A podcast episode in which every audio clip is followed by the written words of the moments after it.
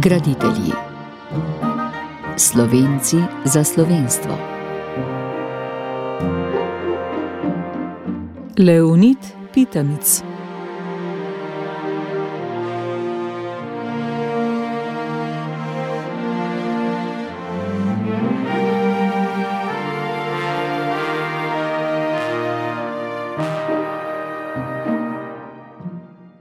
Pravnik, politik in diplomat Leonid Pitamic je bil doma iz postojne.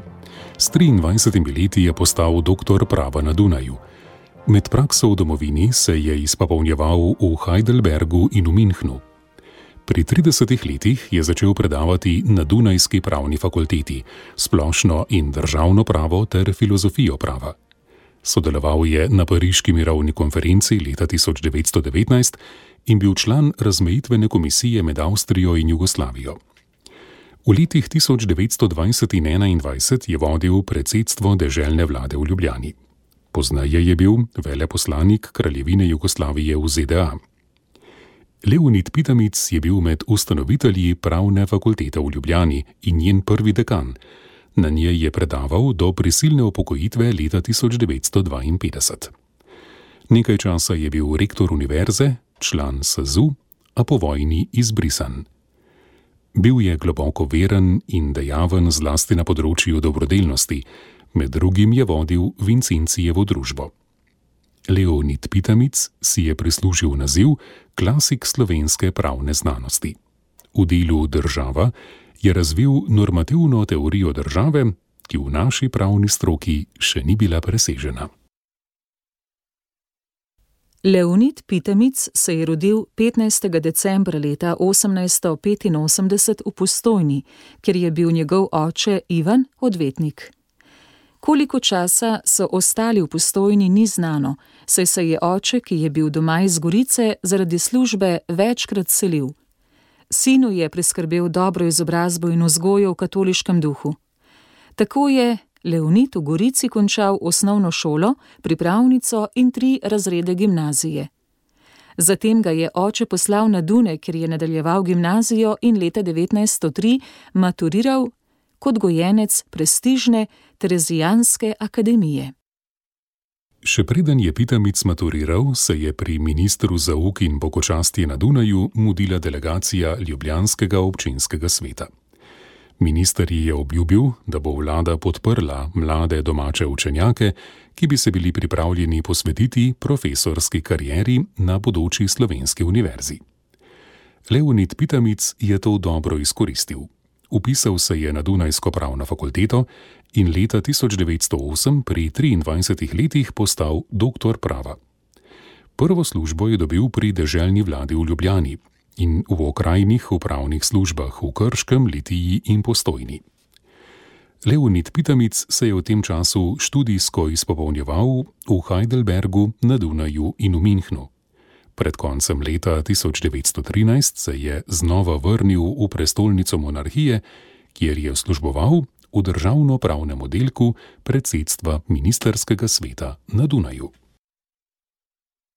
Pitamic je v sporedno službo ostal tesno povezan s pravno znanostjo in njenimi vodilnimi člani.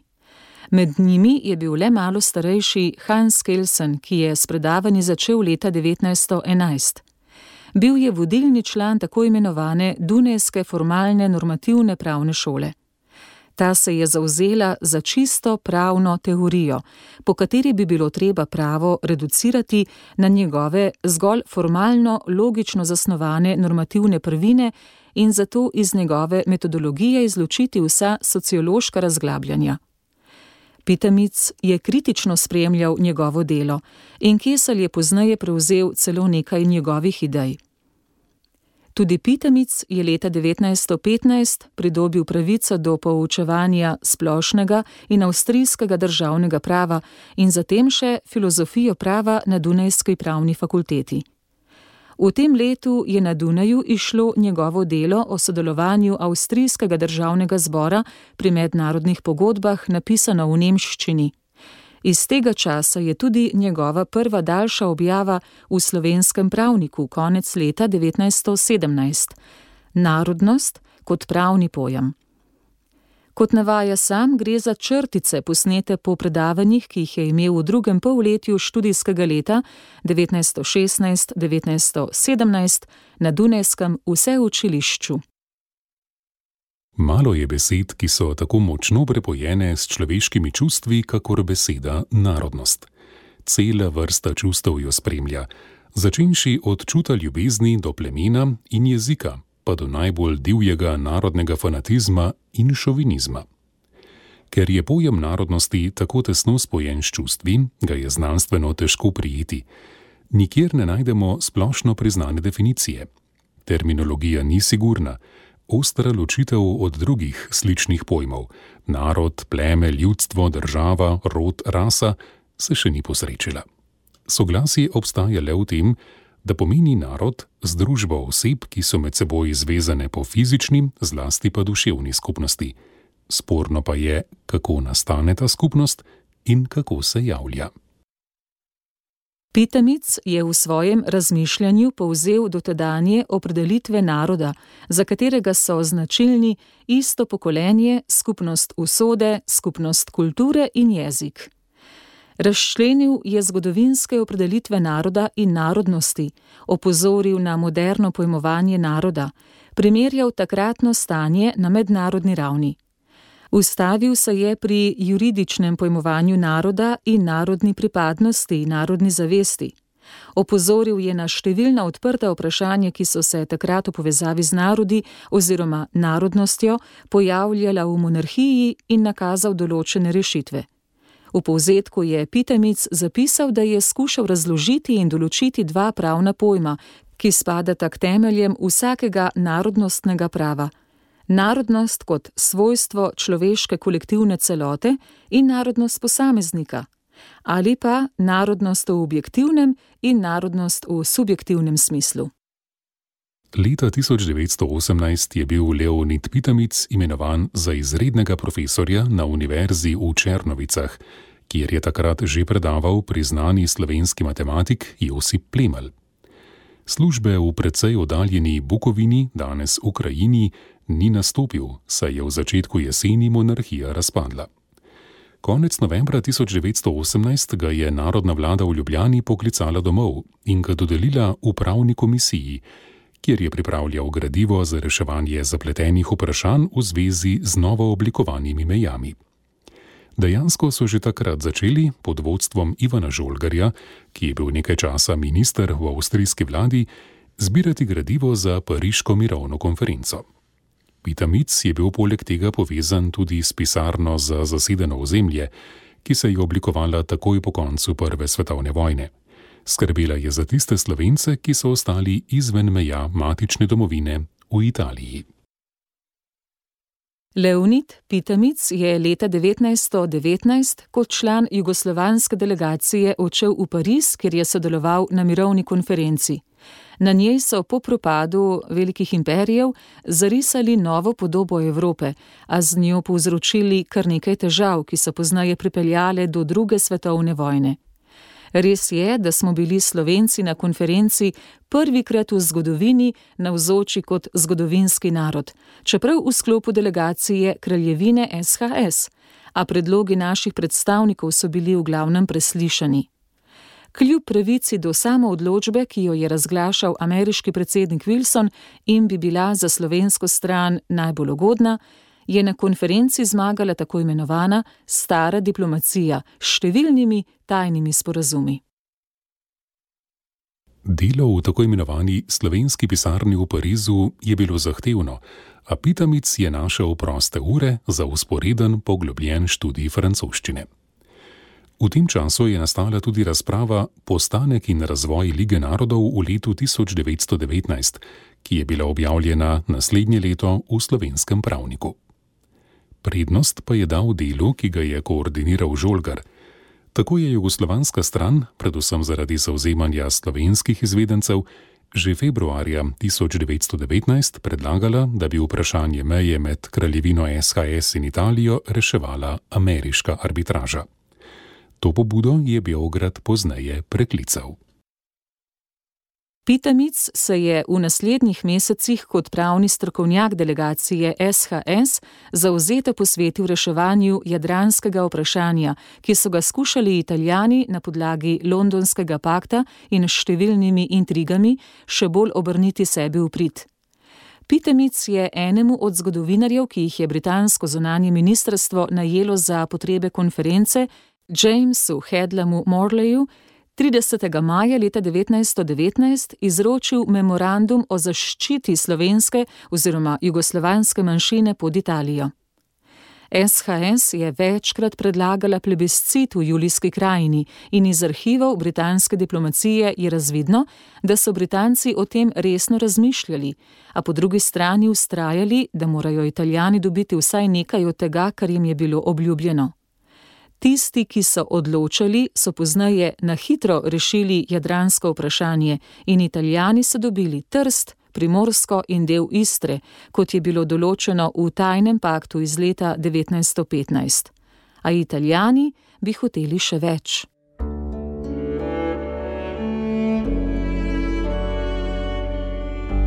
Poslušate podcast Radia Ognišče.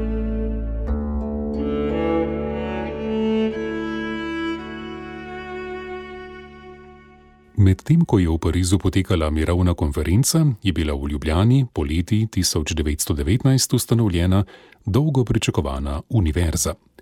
V njeni sestavi je bila tudi pravna fakulteta, štirimi profesori, od katerih so bili trije takrat na pogajanjih v francoski prestolnici. To so bili Leonid Pitamic, Bogomil Vošnjak in Ivan Žolgar. K profesori so vabili tudi Ivana Žmavca, ki pa se ni odzval. Tako v prvem semestru fakulteta še ni zaživela. Fakultetni svet pravne fakultete se je sestavil v Parizu, kjer so bili vsi trije profesori. Za dekana so izvolili profesorja Leonida Pitamica, za prodekana pa Gregorja Krika, ki je bil takrat višji deželni sodni svetnik na novo ustanovljenem sodišču v Ljubljani. Leonid Pitemic se je v domovino vrnil v začetku januarja leta 1920 in prevzel organizacijsko delo za fakulteto, ki so ga začeli že v njegovi odsotnosti. Vmes je bil imenovan za člana razmejitvene komisije med Avstrijo in Jugoslavijo. Slavnostno odprtje pravne fakultete so pripravili 15. aprila leta 1920 v deželno-zborski dvorani. Uvodni nagovor je imel rektor univerze Josip Plemelj. Pot do najvišje izobraževalne ustanove je povezal z revolucijami, ki so bile v tesni povezavi s stremljenjem slovencev po lastni univerzi. Napoleonova doba je dala slovencem akademijo v Ljubljani, ki jo je sledeča reakcija vdušila. Revolucija leta 1948 je rodila slovencem juridična predavanja v Gracu ki jih je Bahov absolutizem ukinil. Prevrat po svetovni vojni je končno prinesel slovencem popolno kulturno in politično svobodo. Konec citata. Z njima smo dobili tudi Almo Mater Slovenije. V tej luči lažje razumemo, zakaj si je prvi dekan fakultete, profesor dr. Leonid Pitamic, za uvodno predavanje izbral temo Pravo in revolucija. Dejansko tudi prehod iz propadle monarhije v novo nastalo državno tvorbo, katere del je postala Slovenija, lahko razumemo kot revolucijo.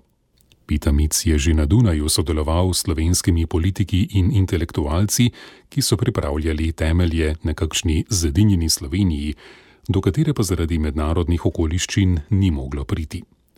Pitamic je svoje predavanje začel z besedami. Pozitivno pravo in revolucija sta pojma, ki logično drug drugega izključujeta.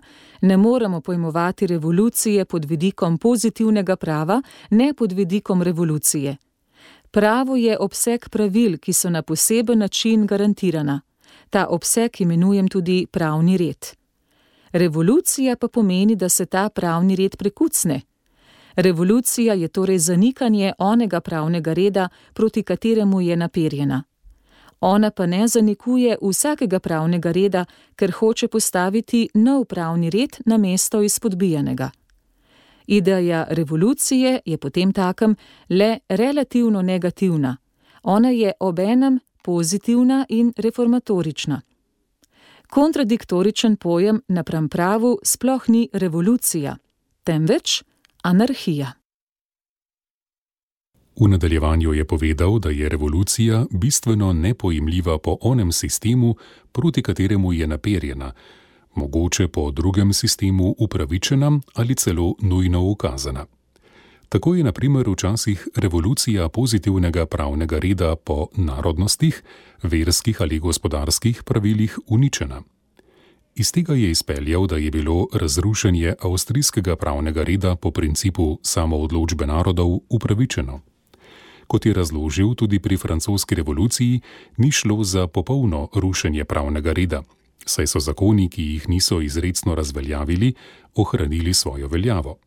Po tem zgledu se je tudi pri nas v Sloveniji izdala takoj po prevratu novembra 1818 naredba narodne vlade, po kateri so ostali avstrijski zakoni v veljavi, ukolikor se ne spremenijo, je pojasnil Pitamic. Pomembno sporočilo njegovega predavanja je bilo, da mora svoboda brez meje uničiti človeško družbo in človeka samega. Družba in človek morata živeti le v omejeni svobodi. Kako se te meje določijo, pa je ves problem logike, morale in je tudi problem države. Profesor Marjan Pavčnik je leta 2015 ob dnevu ustavnosti poudaril, da je Pitamičevo otvoritveno predavanje odprlo niz vprašanj, ki so za pravo nosilna in ki so zanj še danes osrednja. Med drugim se je spraševal, kateri državni organ naj bo tisti, ki poslednji avtoritativno razlaga ustavo. Tisti, ki je za to pristojen, ima na svoj način moč nad ustavo. Ideja o ustavnem sodišču se je takrat šele rojevala. Predavanje je doživelo vrsto pozitivnih ocen. Tako je Leonid Pitamic začel svojo profesorsko kariero predavatelja upravnega prava in dekana pravne fakultete. Bil pa je tudi v tričlanskem univerzitetnem razsodišču. Leonid Pitamic je poleg dela na pravni fakulteti ostal z eno nogo v politiki oziroma diplomaciji. Oktobra 1920 je sodeloval na zborovanju Združen za Ligo narodov v Milanu. Tam zbranim je znova predstavil več predlogov glede jadranskega vprašanja. Poudaril je, da je to vprašanje pomembno za ohranitev svetovnega miru. Predlagal je, da Federacija Združen za Ligo narodov predloži svetu Društva narodov, naj ta čimprej razreši vprašanje primorja in vzhodne obale Jadranskega morja ter svobode tega morja na tak način, ki bo zagotavljal trajen mir. Pri tem je povdaril, da je to mogoče doseči le in samo z upoštevanjem želja prebivalstva, ki živi na spornem območju. Žal so bili njegovi predlogi zavrnjeni, nadaljna razprava o jadranskem vprašanju pa preprečena. Že mesec dni prej, septembra 1920, je bil za nekaj časa imenovan v državno vlado za Slovenijo, kjer je vodil poverjeništvo za notranje zadeve. Pristojen je bil tudi za izvedbo prvih volitev v ustavno dajno skupščino. Pitamic je pred koncem leta 1920 za krajši čas prevzel vodenje državne vlade v Ljubljani. Zanj so se odločili, ker je bil politično neutralen. Pomembno področje njegovega dela je bilo pisanje raznih razprav, člankov. Izhajali so v slovenskem pravniku in drugih revijah. Nekaj poljudnih člankov je napisal tudi za Mohorjev koledar. Med drugim je pisal o prednostih proporcionalnega volilnega sistema in o tem, kaj je ustava. Preprosto je povedal: Ustava ne vsebuje torej vseh temeljev državne ureditve, vendar pa je najvažnejši zakon v državi, že zaradi tega, ker določa, kako naj se ustvarjajo drugi zakoni, ki so obvezni za urade in za prebivalstvo v državi. Že takrat so pri Mohorjevi med knjižnimi novostmi v nastajanju napovedali, kot se je izkazalo pozneje, najpomembnejše njegovo delo. Knjigo o državi piše vseučiteljski profesor dr. Leonid Pitamic, Knjiga je živa potreba za nas, da se vsak slovenec zave, kakšne dolžnosti ima kot državljan in kakšne pravice. Če bo le mogoče, izide knjiga kot družbin dar, sicer pa kot posebno izdanje. Pisanje tega dela se je zavleklo, saj je Pitamic leta 1924 in 1925 študiral angleščino v Oxfordu in Cambridgeu. Izpopolniti se je želel tudi v tem jeziku, ker je bil leta 1924 namestnik jugoslovanskega delegata pri letni skupščini Društva narodov v Ženevi. To vlogo je imel tudi v letih 1927 in 1928. Poleg tega je postal stalni član arbitražnega sodišča v Hagu. Vmes je bil en mandat rektor Ljubljanske univerze. Težko pričakovana knjiga, sad njegovega dolgoletnega študija Država, je išla leta 1927 kot prvi zvezek znanstvene knjižnice pri Mohorjevi družbi. Knjigo so ponatisnili leta 1996 pri Cankarjevi založbi. Leonid Pitamic je pripravil med bivanjem v ZDA še angliško dopolnjeno izdajo države z naslovom Treatise on the State, ki je išla leta 1933 v Baltimoru. Sprejeli so jo kot izjemno strokovno delo, ki obravnava problematiko države na način, ki dotedaj v ZDA še ni bil uporabljen. Tudi angliška verzija je doživela ponatis v letu 2008. Med prvimi ocenami Pitamičeve države je zapis v Ljubljanskem zvonu, ki ga je objavil njegov učenec in poznaje predavatelj na pravni fakulteti Joso Jurkovič. V uvodnem delu o avtorju in njegovi knjigi Država pravi. Najprej pokaže bistvene znake države, analizira soverenost, navaja teorije o nastanku države in svoje mnenje o tem, ter obrazloži preprosto in vendar znanstveno izčrpno zapleteni pojem juridične vsebnosti države.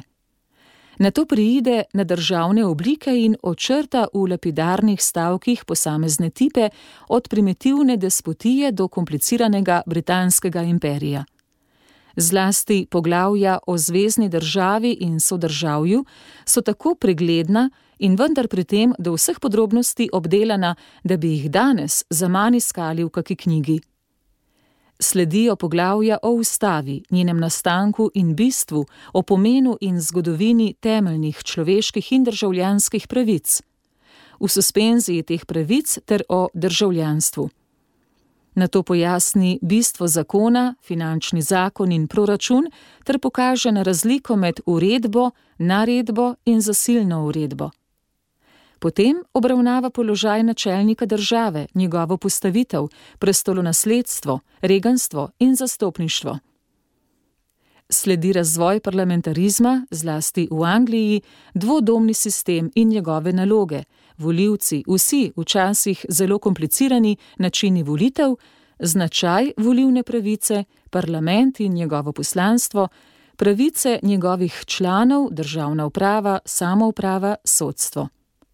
Zadnji del knjige govori o razmerju države do meddržavnega prava in razmerju države do nedržavnih organizacij, zlasti cerkve. Leonid Pitamic se je v začetku 30-ih let vključil v javno akademsko razpravo o demokraciji, ki je potekala v več državah Evrope, pa tudi v revijalnem tisku pri nas. Kot navaja Milan Zver, so v njej poleg Andreja Kosarja sodelovali še Pitamic, Albin Ogris, Korast Kušaj, Aleš Ušeničnik in mnogi drugi.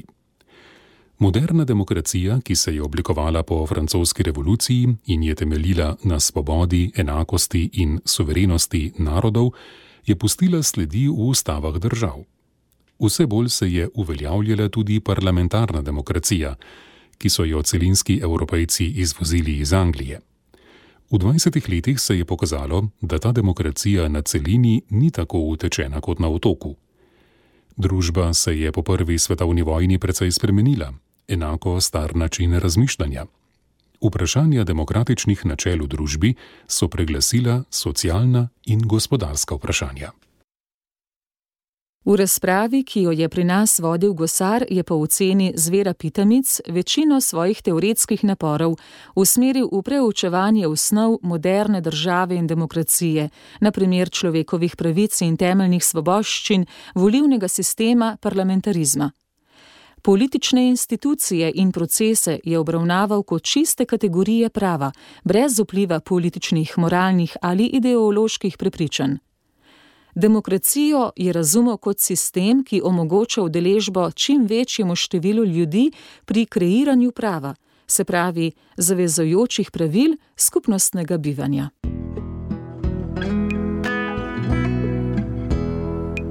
Poslušate podcast Radio Ognišče. Podprite nas s svojo oceno. Hvala.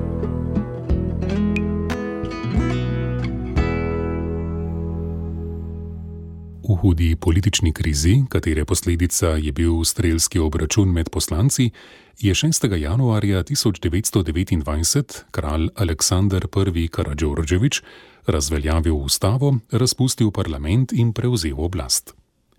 Vlada, ki jo je vodil general Živkovič, je bila odgovorna neposredno kralju. V tem nenavadnem obdobju je bil Leonid Pitamic imenovan za izrednega odposlanca in pooblaščenca ministra kraljevine Jugoslavije pri vladi v ZDA v Washingtonu. 44 leti je postal sploh najmlajši jugoslovanski veleposlanik, kot bi rekli danes.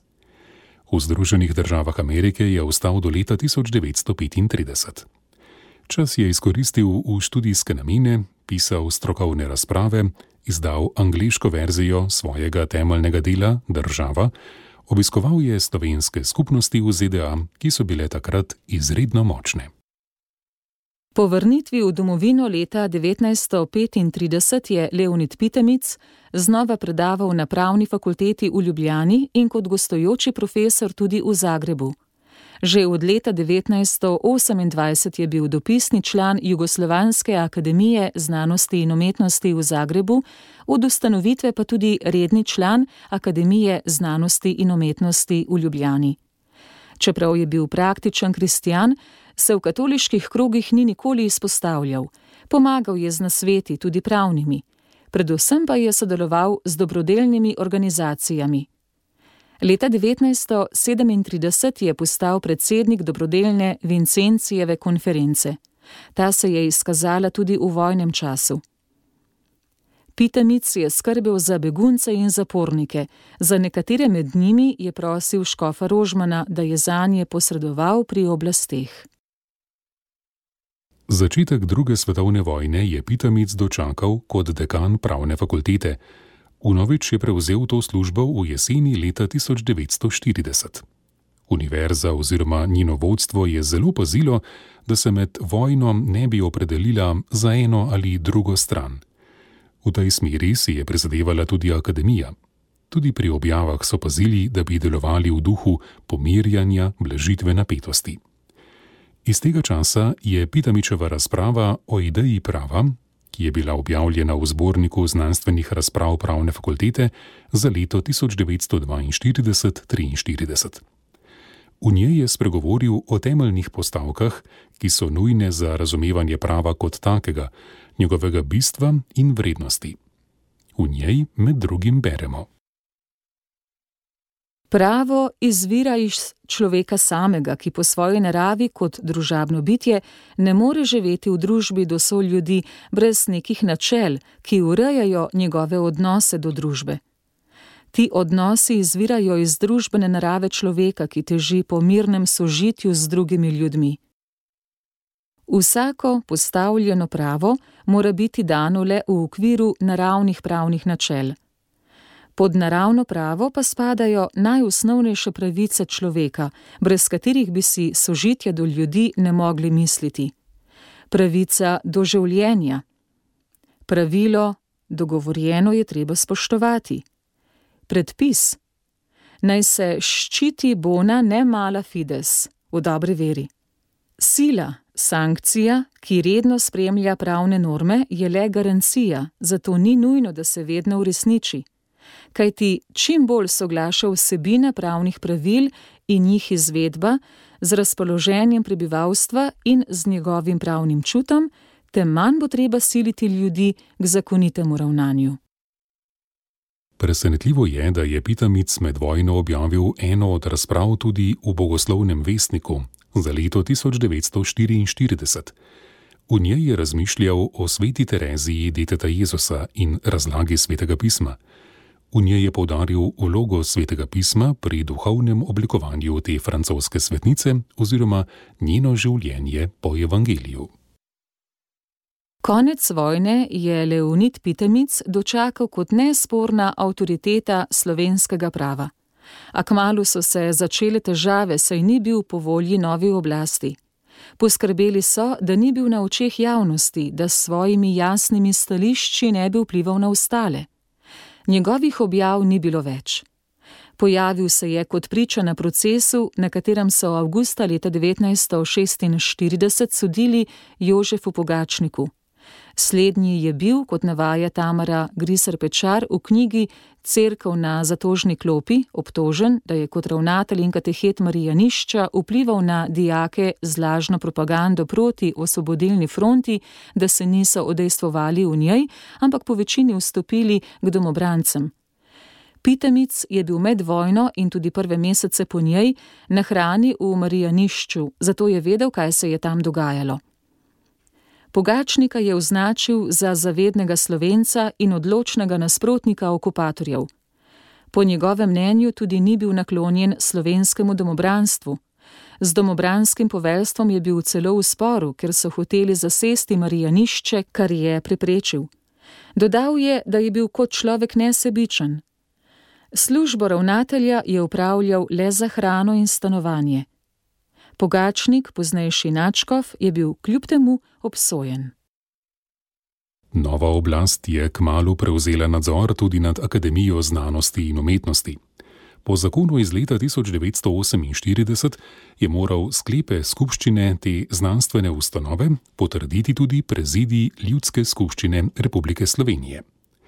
Tako 21. junija leta 1948 Leonida Pitamica iz političnih razlogov ni potrdil kot rednega člana akademije. Enaka usoda je doletela katoliškega misleca Aleša Ušeničnika in filozofa Franceta Webra. Za Pitamica in Ušeničnika so kot razlog navedli, da nista izražala uradnega političnega prepričanja in svetovnega nazora. Ukaz je podpisal predsednik prezidija Josip Vidmar. Sočasno so bili za člane SZU imenovani Josip Bros, Edvard Kardel, Boris Kidrič in Boris Ziharl. Mesto na pravni fakulteti je Leonid Pitemic ohranil, a le do prisilne upokojitve v juniju leta 1952, zatem so ga potisnili v pozabo. So pa na Dunajski univerzi pripravili slovesnost o 50-letnici njegovega doktorata. Tudi doma so se ga spomnili še enkrat. Pravna fakulteta ga je ob svoji 50-letnici kot prvega dekana in oglednega profesorja počastila s častno diplomo. Spomin na nje je v 80-ih letih obudila nova revija. Z letom 1988 pa je tudi v letopisu SZU Slovenske akademije znanosti in umetnosti znova naveden kot pokojni član akademije. Na skupščini Slovenske akademije znanosti in umetnosti 17. decembra leta 1996 je bil rehabilitiran. Danes pred Ljubljansko pravno fakulteto stoji njegov kip. Leonid Pitamic je umrl 30. junija leta 1971. Pokopali so ga 2. julija 1971 v Ljubljani. Ko je umrl, so se ga s kratkim zapisom Landa Vaupetiča spomnili v naših razgledih. Ta je med drugim zapisal. Med štirimi velikimi znanstveniki, ki so oblikovali danes po svetu znano čisto pravno šolo. Poleg imen Kelsen, Merkel in Verdros je vedno imenovano tudi ime Pitamic. Znanstvenikov takega slovesa na pravnem področju danes ni med nami in tudi ne na Dunajski univerzi. Njegove redke osebne lastnosti, predvsem čut za etično življenje in za veliko moralno odgovornost, ki sta ju navdihovali osebna dobrota ter takšna osebna skromnost, ki je mejila že na askezo. Razumljivo je, da so bile njegove odločitve pretehtane in so vedno izražale plemenitega duha. Njegovo smrt so omenili tudi v družini. Nekoliko daljši zapis je bil objavljen v Mohorjevem koledarju za leto 1972 in v reviji Pravnik. V strokovnih krogih so vse čas uporabljali njegova dognanja in literaturo, v javnost pa se je vrnil šele slovensko pomladjo.